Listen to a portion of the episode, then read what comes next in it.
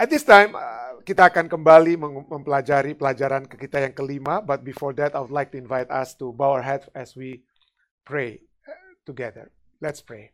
Father God in heaven, at this time, again, Lord, we come to you. We like to invite especially the Holy Spirit. Holy Spirit, please dwell in us. Be with us so that we can understand more of your will in our life. This is the prayer that I bring in the name of Jesus. Amen. We are we have arrived now in part 5. Kita tiba di bagian yang kelima, pekerjaan Roh Kudus di dalam kehidupan pribadi kita. The work of the Holy Spirit in our personal life. Bagian yang pertama kita sudah bahas, kita sudah membahas tentang janji daripada Roh Kudus, the promise of the Holy Spirit, personal condition, kondisi personal condition, kondisi-kondisi pribadi, syarat untuk menerima, to receive the Holy Spirit. And then we have studied also about the desire to receive the Holy Spirit. We need to have a desire to receive the Holy Spirit. And then we studied last Sabbath about symbol of the Holy Spirit. What is the symbol of the Holy Spirit that we studied? Rain. Yeah, we talk about rain. Kita berbicara tentang hujan. And now we'll be talking about the work of the Holy Spirit in our personal life. You know, in our personal life. And I would like to start with the first two verses in the Bible. Saya akan mulai dengan dua ayat yang dimulaikan Alkitab, yaitu kejadian kejadian 1 ayat 1 dan 2. Genesis 1 verse 1 and 2. In the beginning, pada mulanya, God created the heavens and the earth, and the earth was without form, kosong, belum berbentuk dan kosong. And darkness was on the deep face of the deep. Darkness was on the face of the deep. And the Spirit of God. Dan roh Allah dikatakan apa? Hovering. Melayang-layang terbang. On the face of the waters. Yeah. On the face of the What does that mean? What does hovering, moving over, melayang-layang itu apa? Means. Di Indonesia ada pocong atau apa ya? Jelangkung atau apa? Pocong. Kuntilanak ya, oke, kuntilanak itu melayang-layang ya is this talking about kuntilanak? Ini talking about uh, a evil spirit, pride, uh, uh, evil spirit that is flying here and there? Only two times in the Bible, hanya dua kali di dalam Alkitab, only two times in the Bible, the word hover, melayang-layang itu muncul. And then this is the first one. And this is, ini yang pertama, this is talking about the creation, how we are being formed, how the world started, how life started, bagaimana kehidupan itu dimulai oleh Roh Kudus. Melalui Roh Kudus terciptanya apa? Kehidupan dimulaikan. The world started and the life also has started. Okay? But the second one, what is that? The second one. The second time the word hovering, melayang-layang itu appeared. Munculnya itu in the book of Deuteronomy. The book of Deuteronomy is the book kitab ulangan written by Moses, ditulis oleh Musa, when the Israelites went out from Egypt, right? When the Israelites went out of Egypt, then they are wondering, would God be with us? Would God save us? Would God help us? Apakah Tuhan akan membantu kita, menyelamatkan kita? And then this is the text mentioned again with the word hovers. Okay, in Deuteronomy 6 verse uh, not not Deuteronomy 6. I, I mistake. I, haven't changed. De Deuteronomy 32. Deuteronomy 32 verse 11 and 12. Ulangan 32 ayat 11 sampai 12. It says that as an eagle stir up its nets, laksana raja wali menggoyang bangkitkan isi sarangnya, melayang-layang di atas anak-anaknya, hovers over its young, spreading out its wings, taking them up, carrying them on its wing. So the Lord alone led him, and there was no foreign god with him. So here, the second appearance talks not about the creation, but the protection. Bukan menjaga, bukan memberikan kehidupan, tapi penjagaan. This is like an eagle. What did what did this eagle, this mother eagle is doing? He tried to help the, the its young to what? To fly. Mencoba untuk men, melatih anaknya untuk dapat apa ya? Untuk dapat terbang. What did he do? What, what, what did she do? I mean, what apa yang dilakukan oleh the uh, uh, mother's eagle? He turn the the the nest the nest is what stir up its net dia bongkar itu apa uh, dia punya apa sarang dia bongkar sarangnya and then what happened to the youngsters it had no choice but what to fly because the eagle usually they have their nest in the high place. Biasanya sarang burung Raja Wali itu dia paling tinggi. So it destroy the nest. So the young has to fly. The young has to fly. But the, the, the mother was on the top. And the youngster, the youngster could not look up. The youngster could only look down. And he was so scared. Oh, this is so dangerous. Yeah. Woo, falling down, falling down. But the mother was up there. But the mother cannot be seen. Ibunya tidak dapat dilihat. But when the eagle was about to collapse or whatever, cannot fly, then the mother would what? Would pick him up. Yeah. The mother would picking up, carrying them on its wing. And so this is what God is doing. Taking care. Taking care. Although many like, like these young eagles, the young eagles could not see the mother. Yeah. The young eagle could not see the mother, but the mother saw. And when the mother saw that he was or she was struggled, then the mother will pick him up. Ibunya akan melihat pada saat, wah payah dia. Ibunya akan apa? Membantu. And so this is it. The Holy Spirit gives life and the Holy Spirit takes care. Okay? And this is something that the Holy Spirit is doing in our life, giving us the life. Yeah? giving us the life and giving us the love to care for us. John 3, verse 5 to 8. Yeah. Jesus, Jesus said to his disciples, Jesus answered them, Most assuredly, I say to you, unless one is born of water and the Spirit, he cannot enter the kingdom of God. That which is born of the flesh is flesh, that which is born of the Spirit is spirit. Siapa yang jadi kelahiran baru kita itu oleh siapa? how we are being created, how we are being oh, born again. Penciptaan seperti kejadian satu, just like in Genesis 1. Who created us? Siapa yang menciptakan kita dalam kelahiran baru? Holy Spirit. Ya. Holy Spirit. Without, without the Holy Spirit, we cannot be born again. Yeah. We cannot be born again. And in, in, in verse 7 says, verse 7 and 8, do not marvel what that I said to you. This is I, I believe this is what Jesus said, not to his disciples, but to who? Nicodemus. Yeah, to Nicodemus. Do not marvel that I said to you, you must be born again. The wind blows where it wishes, and you hear the sound of it, but cannot tell where it comes from and where it goes. So is everyone who is born of the Spirit. So what is the similarity? Apa persamaannya antara apa yang Yesus bilang kepada Nicodemus and the story about the eagle. What is similarity? Apa what is similarity between the the what Jesus talk about the Holy Spirit and the mother's eagle doing to his chicks? Apa masa apa persamaannya? Ada yang bisa tahu? Lihat. They don't know. Like the mother eagles, you know, he knew what what's going on with his children, with his chicks, but the chicks did not know. And the same thing here with the Holy Spirit. Many times we want to know whether they are God is with us, but the truth is God is with us. Tuhan ada bersama-sama dengan kita ya. Roh Kudus bersama dengan kita. But the point is we don't know. We may not know. Like the wind, we may not see the Holy Spirit. But like the wind, we can feel it, right? We can feel the wind when the wind blow. And we can see, we can see what he had done in our life. So, so is everyone born of the Spirit. And so, now that is already very clear. We reach already the first part of the sermon. Yeah, the Holy Spirit give us life by being born again. And what about the second one? By caring for us, menjaga kita. Bagi apa yang dilakukan oleh Holy Spirit? Apa yang dilakukan Roh Kudus untuk menjaga kita?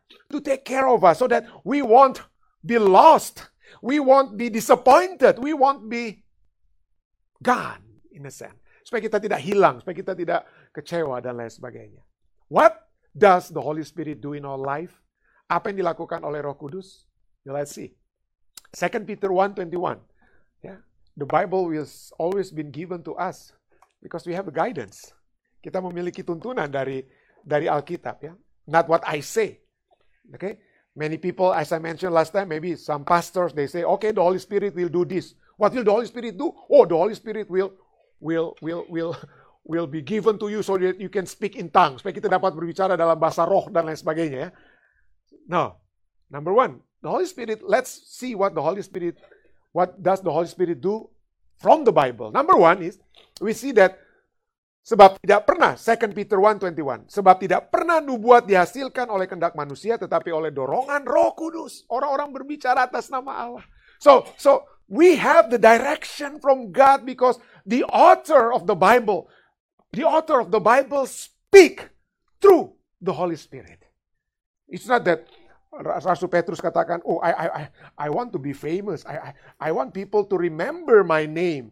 So let me write something in this uh, let, let me write something, a book, so that people will remember me. No, it's not written by an author.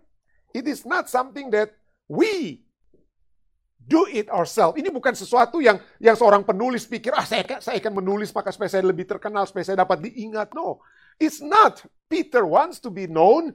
It's not Daniel wants to be known. But because the Holy Spirit moved them to speak. The Holy Spirit moved them to write. Roh Kudus yang membuat mereka apa? berbicara atau menulis. So this is it.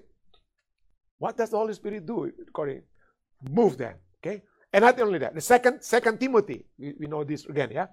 Second Timothy 3:16. 2 Timotius 3:16. Segala tulisan, all scripture, all that is written by the inspiration of God. Segala tulisan yang diilhamkan Allah memang bermanfaat, profitable in English say for doctrine, for reproof, for correction, for instruction in righteousness. Bermanfaat untuk mengajar, untuk menyatakan kesalahan, untuk memperbaiki kelakuan, dan untuk mendidik orang dalam kebenaran. What does it mean? Inspiration of God. What does that mean? Apa artinya diilhamkan Allah? What does it? Well, this is from New King James Version. The New International Version says, all scripture is God breathed. Nafas Allah, Allah yang bernafas. And in the Bible, when was the first time God breathed something? What did God do that God breathed? Adam. Yeah. What happened after God breathed? Giving life. Memberikan kehidupan. Setelah Allah ber, mengeluarkan nafasnya. Jadi itulah ya. Roh Kudus memberikan apa? Alkitab dan Alkitab ini, this Bible is is the the the nefesh of God. Ya, itu adalah apa? Nafas Allah dengan kata lainnya, nafas daripada Allah. And what is being taught? Ya, it says that it is good for teaching. Ya, all scripture is God breathed and it is useful for teaching, rebuking, correcting, and training in righteousness. So, first of all, what is being taught? What is the subject? Apa yang sedang diajarkan? Subjek apa? Fisika, matematika, math, history. What is the subject, the subjects of this Bible? So, okay, salvation. Yeah, who brought that salvation? Yeah, Jesus Christ, right? This is teaching about Jesus, everything. I think we, we discussed about it this week. Yeah? My wife asked, Do you think that from Genesis to Revelation is all about God, even in chronology? Yes.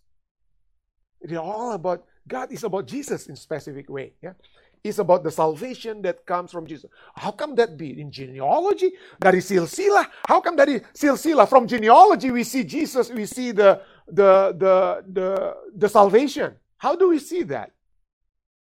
Well, silsilah itu menunjukkan who we are, where we come from. Silsilah the genealogy talks about where we come from, who we are, who whom we are, siapa yang milik kita dan lain sebagainya. So this all talks about the salvation that God has what? That God has brings. Because all the way from Adam and Eve, all the way to who? Jesus Christ. Yeah? All the way to the Son of Man. So silsilah sekalipun, genealogy itself speaks about Jesus. Yeah? So the subject is about Jesus. No, this is it. That's why Jesus talked about this to the to the Pharisees. Yeah. Jesus talked to the Pharisees. You search the scripture. Kamu menyelidiki kitab-kitab suci For in them you think you have eternal life. Yeah. For in them you think you have eternal life. And these are they which testify of me.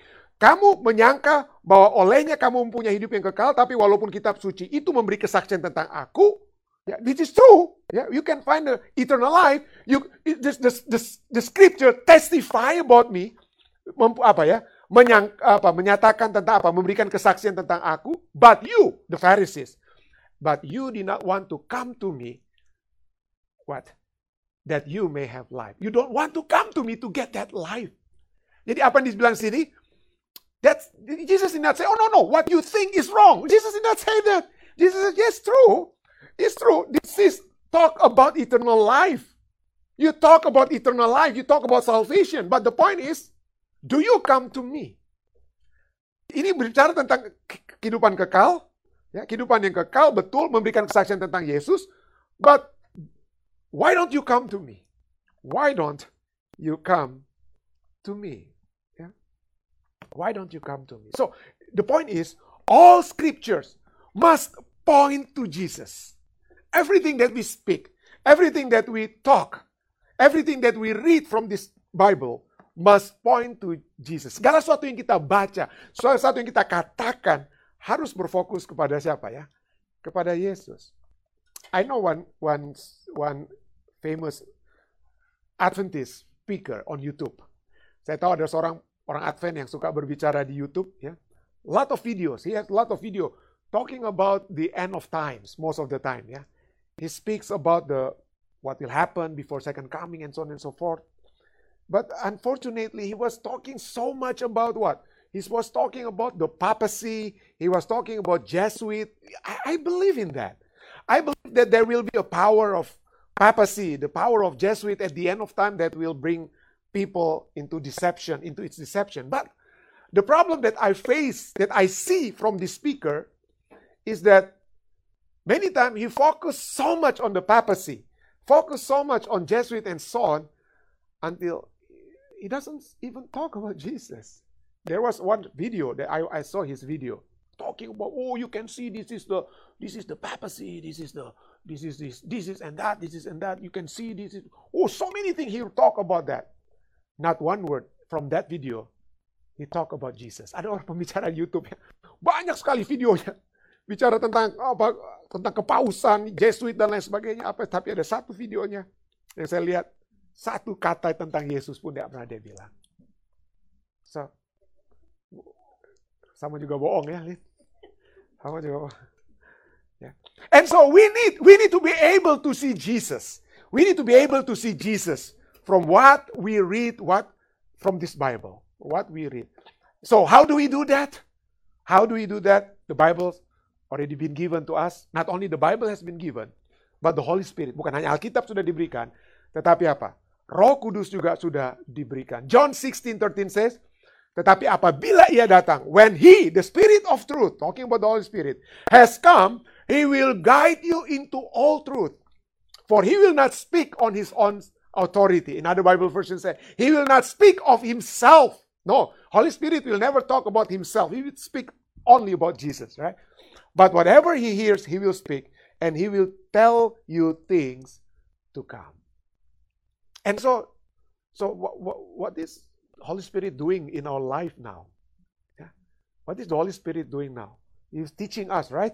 Teaching about who? Teaching about Jesus. So the work of the Holy Spirit, the first point that we get, the work of the Holy Spirit in our personal life is to teach us about Jesus. And this is the primary textbook that we have when we talk about Jesus.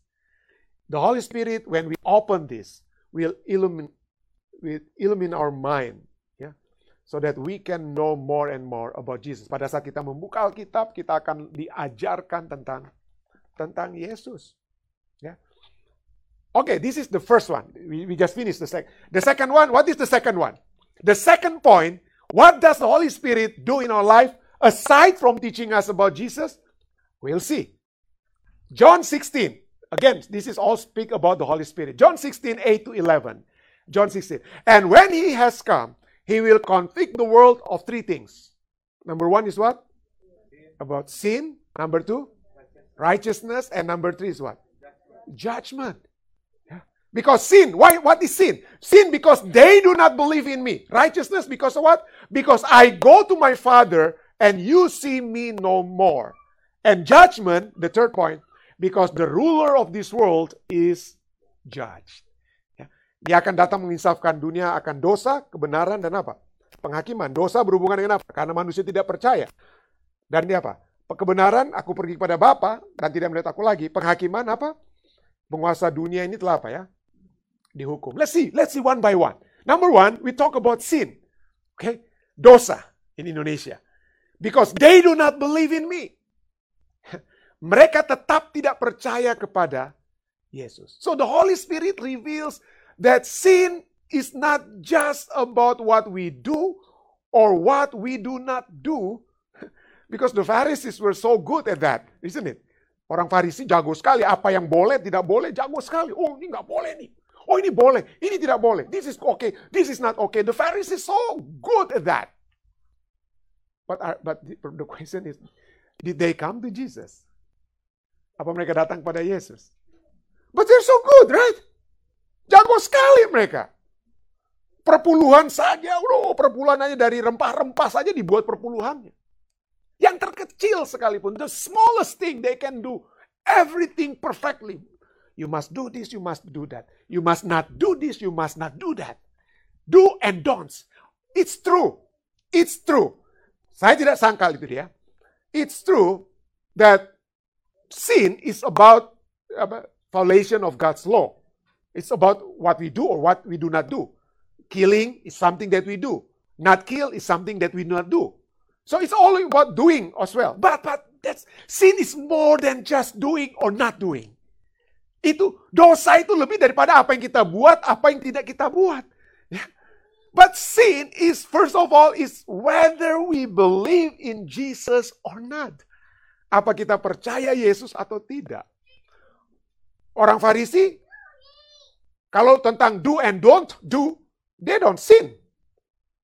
But what about with their belief in Jesus. They don't believe in Jesus.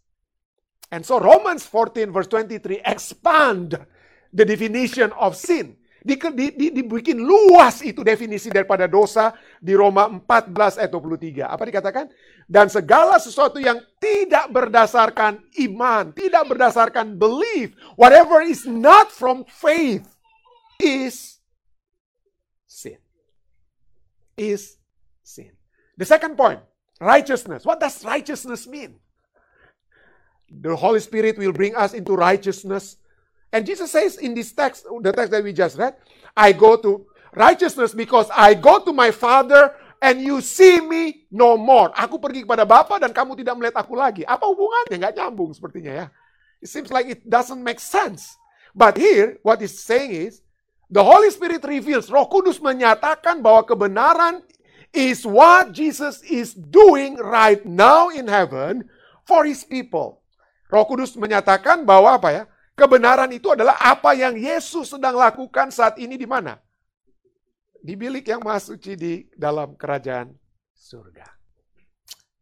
In 1 John 2, 1 to 2, 1 Yohanes 2 1 sampai 2, we have an advocate with the Father, Jesus Christ the righteous one is the atoning sacrifice for our sin. Kita mempunyai seorang pengantara pada Bapa yaitu Yesus Kristus yang adil, the righteous one. So, kebenaran, si yang yang benar. Ya. Jadi kebenaran itu adalah Yesus. Righteousness is Jesus and Jesus is doing something so that we can be righteous. Supaya kita dapat dibenarkan di mana ya?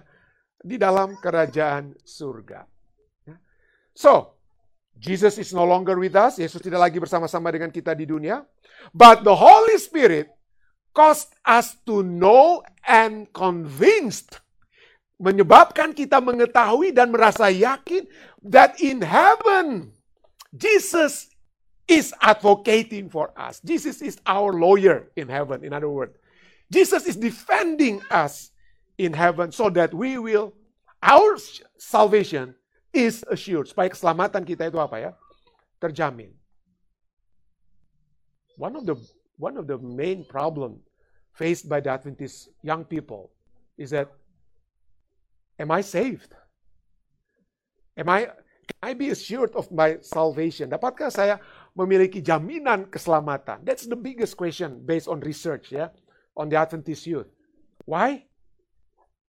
Why, why would that be the problem? Well, well, this is really the problem because many young people, many, not only I believe young people, but many even adult, yeah, we have, we are not sure. I mean, how, how can I be sure, Pastor, that my salvation is secured? Bagaimana keselamatan saya itu apa betul-betul sudah dijamin? And, and uh, we study about the book of Hebrew when we know that the answer is definitely yes. Yes, we are saved. Don't say that. I'm not saying, of course, we are struggled, right? We struggle with sin. And then that's the reason why we need to call, always confess our sins. We have to, when we fall down, we have to what? Go up again. Kalau kita jatuh, bangun lagi, saudara. Jangan jatuh terus. Jangan tacolo terus di, di lumpur. Ya. Bangun. Because once we go up, salvation is already assured again. And so, the book of Hebrews says what?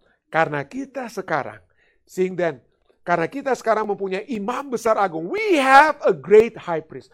Let us therefore come boldly to the throne of grace. Sebab itu marilah kita dengan penuh keberanian, penuh keyakinan. Yeah, with conviction, boldly conviction, come to the throne of grace that we may obtain mercy and find grace to help in time of need. Jadi kalau masih lau-lau, kalau masih lau-lau dan kata lain, tapi masih ada kerinduan untuk berjalan kembali kembali kepada Tuhan.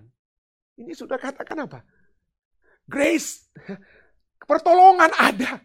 Pertolongan ada. So never say that, oh Lord, I'm I, I'm a sinner. My sin so great. No one, not even my my family accepted me anymore. How can you accept me when other people do not accept me? Bagaimana engkau mau menerima saya? Orang lain aja udah jijik melihat dosa saya. Like I said, now, come. We have a high priest to help us so that we can find grace to help in time of need. And then the third point, the third teaching that God, that the Holy Spirit help us is about judgment. Right? That the ruler of this world is judged. Penguasa dunia ini telah dihukum. The Holy Spirit reveals, Roh Kudus menyatakan bahwa setan si penguasa dunia telah dikalahkan melalui kematian Yesus di salib dan mereka yang berada di pihak Yesus telah dibebaskan dari kekuasaan setan. Ruler of this world has been defeated through the death of Jesus on the cross. And those in Jesus' side have been freed from the power of Satan. Yeah. Now, John 12 31. Now is the judgment of this world. Now the ruler of this world will be cast out. Sekarang berlangsung penghakiman atas dunia ini. Sekarang juga penguasa dunia ini akan dilemparkan apa ya? Keluar. Ya. So Satan is actually defeated. Many times we don't have the assurance of salvation because we thought, Lord, I have been defeated. Saya selalu kalah dengan setan Tuhan. Saya selalu kalah dengan setan. But the point is, the Bible say Satan has been defeated. Satan has been defeated. Yeah. We live in the time of grace. We live in the time of mercy.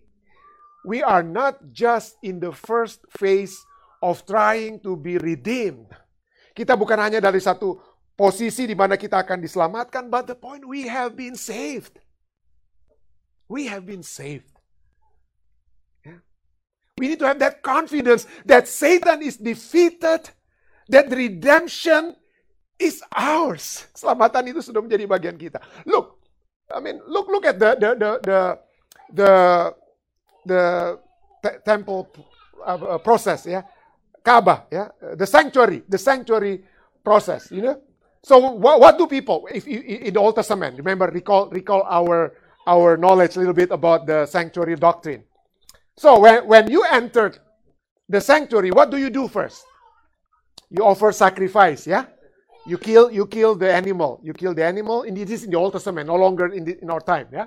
So the sinner will bring the animal represent his sin in the first stage. Yeah, the altar ini, and the first altar. And then what next? Yeah, what next? The the priest will bring the blood and sprinkled it in the in the second the first room. Yeah, I don't want to use this because in the second room. Okay, second room. And what happened? What, what was there in the second room? We have a seven candlestick, ada tujuh kaki dian, ya. Apalagi? Altar, altar of incense, altar kemenyan, ya. And so on. And then there is a table of bread, table of true bread, ada tempat untuk roti. What does this mean? This is talk about what? The seven candlesticks, table of bread, altar of incense, yeah. This is talk about that from sinners from sinners, the priest will bring that sinners in a, in a, in a symbol to be made righteous. Okay? To be made righteous. So that's the, the, the, the holy place. So the process is in the so, so outside is the sin. Let's say this is the process of sin is being dealt. This is the process of righteousness is being performed. And what about the judgment? Where is the process of judgment? Penghakiman. Ah, the bilik yang masuci, the most holy place. What do we find in the most holy most holy place? This is the Ark of the Covenant, ya. Ada tabut apa? Perjanjian. What does tabut perjanjian means? What what is this symbolize? Takhta Allah. This is the, the throne of God. This is this is the place where we are being united back to what? To God, right? And so once in a year, a high priest, once in a year, the high priest will first offer the sacrifice and then go to the second play, the second phase, and then entered the most holy what? Place. And what is that day? The name of that day? Yom Kippur in Hebrew. What is that name in English? Atonement. What is the other name of atonement? The judgment day. Hari penghakiman. Yeah. This is talking about judgment day. So we can see everything is there. Where are we now? I mean, are, uh, do we have the high priest that's already entered that perform all of this? Yes. Jesus is, is has per, Jesus has performed everything. And so the Holy Spirit teaches us that see, he Holy Spirit will help us to understand the sin, righteousness and what? Yeah? Judgment. When, what is the purpose of judgment? What is the purpose of Yom Kippur? Apa apa apa tujuan daripada hari Grafirat, hari Yom Kippur, hari atonement? So that the people can be what? Be reconciled to God, can be united with God. And so this is the second point. That the work of the Holy Spirit in our personal life is to unite us with the Father. Unite us with the Father. Okay? And what is the third point? The third point, the work of the Holy Spirit. Number one, the Holy Spirit teaches us about Jesus. Number two, unite us with the Father. And the third point, what will the Holy Spirit do in our personal life? Let's read Ephesians 1 verse 13 14. Efesus 1 ayat 13 14. Di dalam Dia kamu juga karena kamu telah mendengar firman kebenaran yaitu Injil keselamatan, di dalam Dia kamu juga telah apa? Kamu ketika kamu percaya dimeteraikan oleh siapa? Dengan Roh Kudus yang dijanjikannya itu. Ya. Pada saat kita meterai, what does meterai? What is the purpose of meterai? Like like like letter in the Roman times, you put a letter and some, somebody has to meterai. What does sah? Okay, good. What else? What does meterai mean? What is what is written in this meterai? So, who, who owns this, right? Who owns this? So, who is the owner? Siapa pemiliknya? Siapa pemiliknya? Ya. Pada saat kita dimeteraikan dengan Roh Kudus, siapa yang dimeteraikan? Kita. Ya. Kita. Untuk menandakan bahwa siapa pemilik kita? Who own us? Ya, Tuhan, Tuhan kita ya. Tuhan kita. Oke, okay? let us read. Let us read. We just read verse 13. Let us read completely ya. In him you also trusted after you heard the word of truth, the gospel of your salvation, in whom also, having believed, you were sealed with the Holy Spirit of promise, who is the guarantee of our inheritance until the redemption of purchased possession to the praise of his glory. Okay? Yeah. To the praise of his glory. So, number one, we are being sealed. Why we are being sealed? Why we are being sealed? So this is as a guarantee. Sebagai satu jaminan. Sampai jaminan so that we will? A guarantee of our inheritance until the redemption of the purchased possession. Yeah. Someone is guaranteeing us. Someone is uh, guaranteeing us. When we went to a, a beach, yeah, we went to a beach in Puerto Rico and then we had to rent beach chair because we did not bring all the way from New Jersey of course. We rent a beach chair. Ya kita kita apa ya sewa itu beach chair. Kita sewa, kita bayar. Sewanya murah. Sewanya cuma kayak 5 dolar. The, the, the cost maybe of the beach, the beach chair, maybe it costs maybe $20, maybe in Puerto Rico, yeah. But we pay only $5. How do the owner of the, the chair guarantee that I will not run with their beach chair? Deposit? No, they, they don't they don't get my deposit. Deposit maybe. Uh, no, they don't ask for my deposit. They ask for my driver license. Mereka minta saya punya apa? Kartu SIM saya. Wah, siapa yang mau kehilangan SIM ya? Jadi I have to give my driver license and and then after that, after we finish using the beach chair, return back the beach chair. Okay, that's the beach chair. Okay, then he look at so many driver license and return it back to me. my driver license. So my driver license has been used as a guarantee, guarantor, some, to guarantee that I will return the what? I will return the, the beach chair.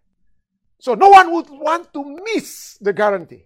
I mean, you know, in Indonesia, I don't know, when you buy a car, kalau kita beli mobil di Indonesia, ya ada uang panjar, mungkin uang panjar ya, uang panjar. This is down payment. It's guaranteed it's like down payment. So if it is 1 million, 100 million, kalau 100 juta, biasanya berapa persen? 20 persen, 20 juta. Oke. Okay. what happen if you don't pay your monthly dues? Apa yang terjadi kalau Anda tidak bayar bulanan Anda? The car will be taken and your 20 million gone. 20 juta Anda hilang.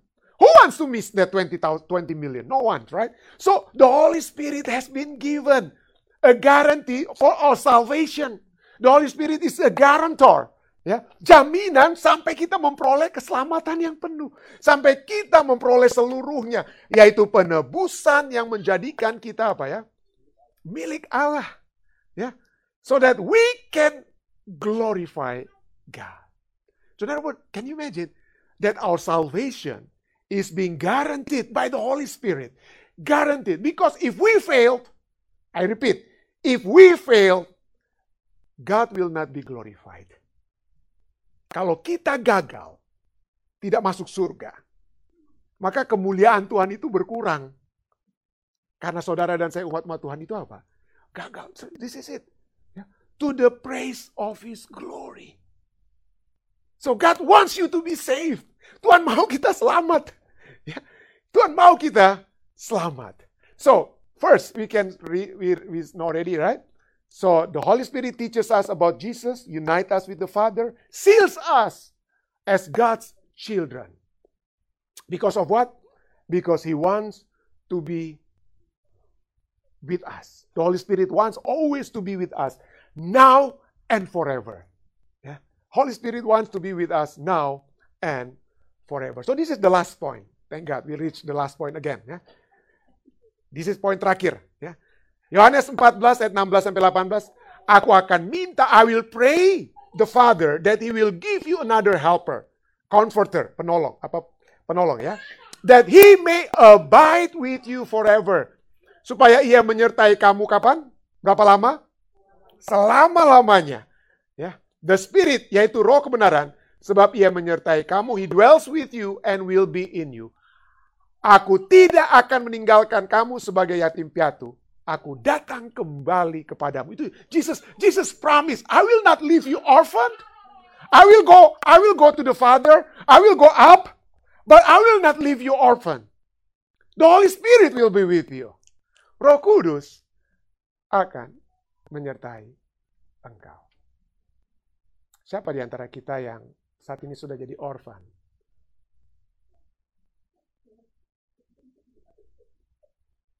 Ada yang orphan?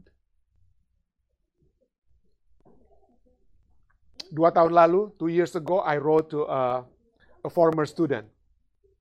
Saya menulis surat kepada bekas mahasiswa. Two years ago, in this month, the month of April. I wrote to her because her husband just died.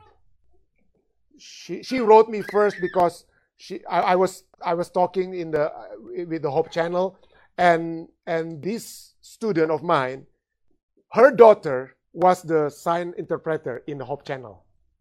Hope Channel sign interpreter. So two years ago, I wrote to her. I wrote to her and I said, accept our condolence. accept our deep sympathy. Saya ber, turut berduka cita kepada dia ya. And this is what she wrote. And this is what she wrote me back.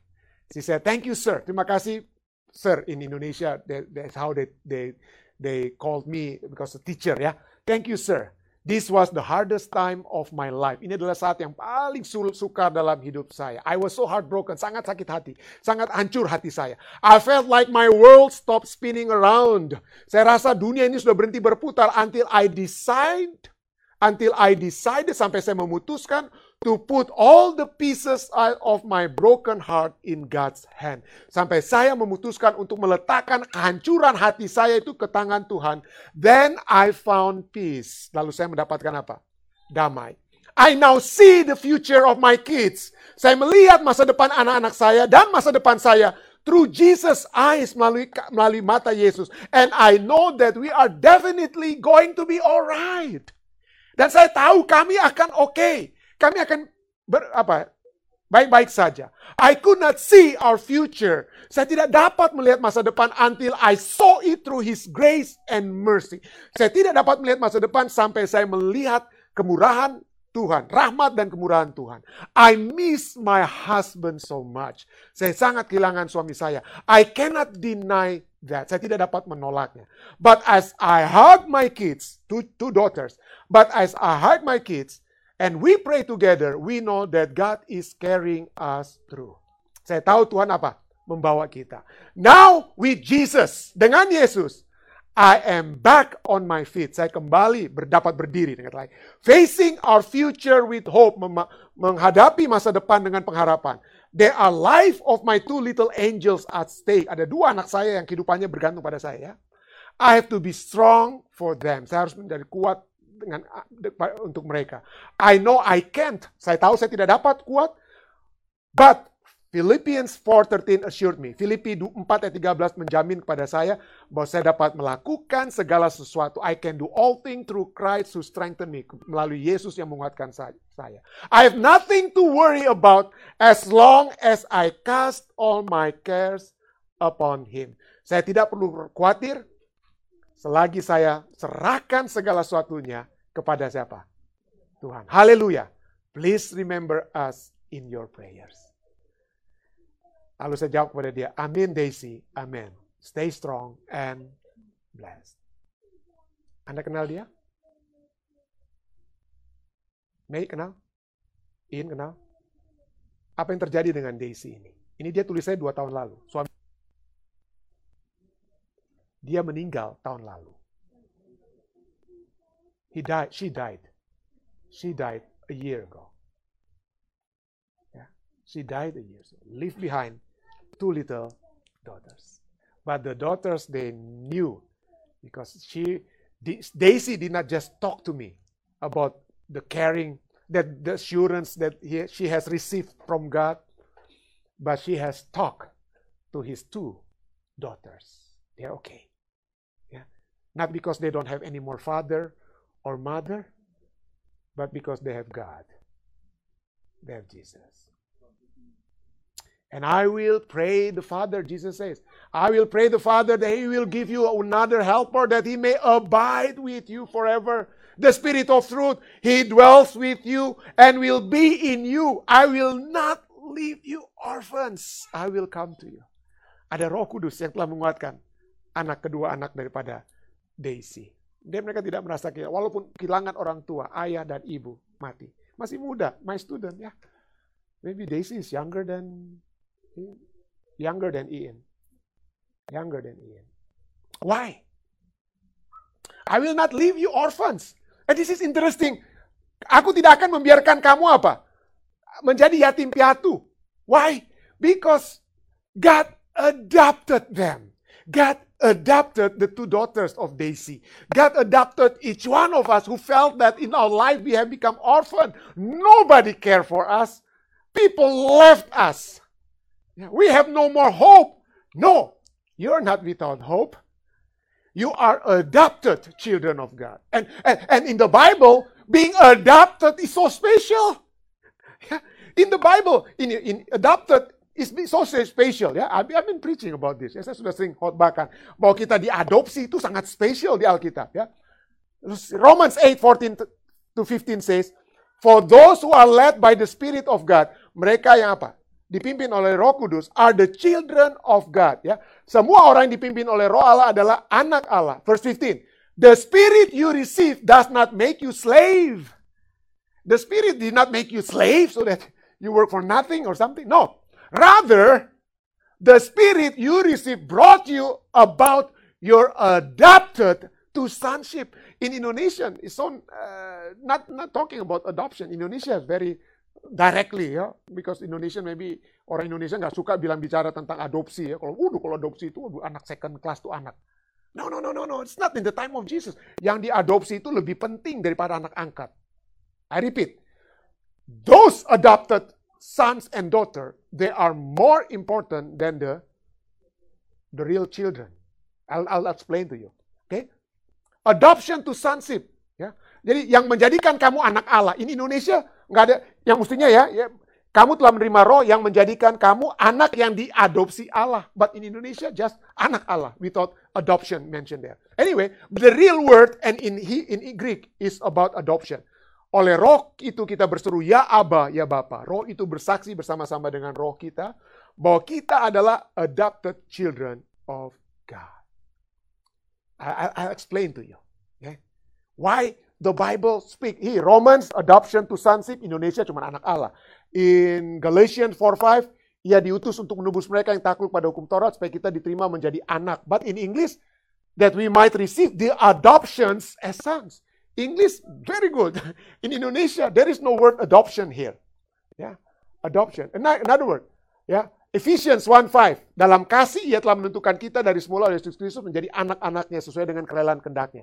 But Ephesians 1:5 he destined us for adoption as his children through Jesus Christ according to the good pleasure of his will. So being adopted, adoption as sons, ya, yeah, means what? To be made as a son. Diangkat itulah makanya diangkat ya adoption. Why they are more important than the original children? Kenapa mereka lebih penting? Adopted children, why they are more important? They are more, they have more legal. In, in the Roman times, dalam kerajaan Romawi, the adopted children, they have more legal, legal protection than the original children. Why? Because original children, you have no choice. Honestly, right? You have no choice. Oh, okay, it's already coming from your womb, coming from this family.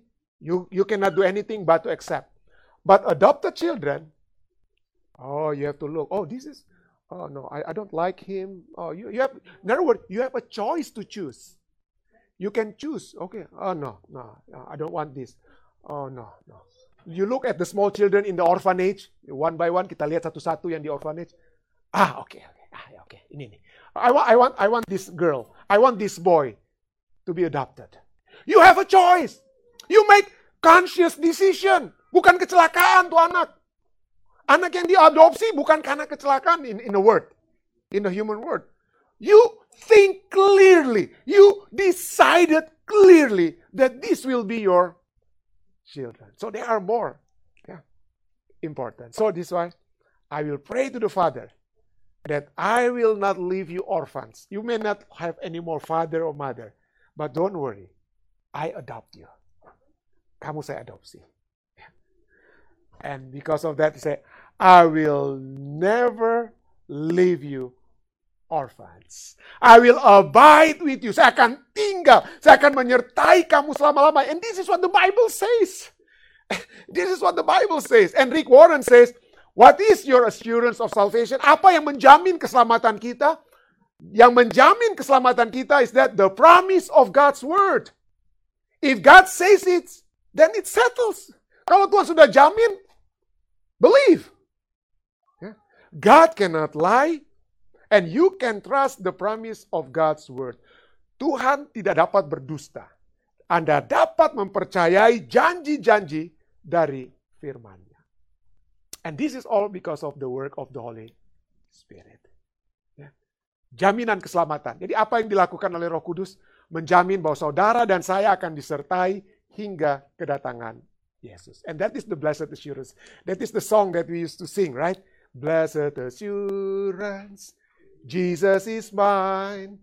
Oh, what a foretaste of glory divine, heir of salvation, purchased of God, born of His Spirit, washed in His blood. This is my story, this is my song, praising my Savior all the day long. This is my story, this is my song, praising my Savior all the day long. Itulah lagu kita ya. Lagu kita kita sudah diadopsi, dipurchase, dibeli oleh Allah. Kita telah dilahirkan dari apa? Roh. Kita telah dibasuh oleh darahnya. Oleh sebab itulah kita memiliki apa? Jaminan keselamatan. Saya bawa ini dalam nama Yesus.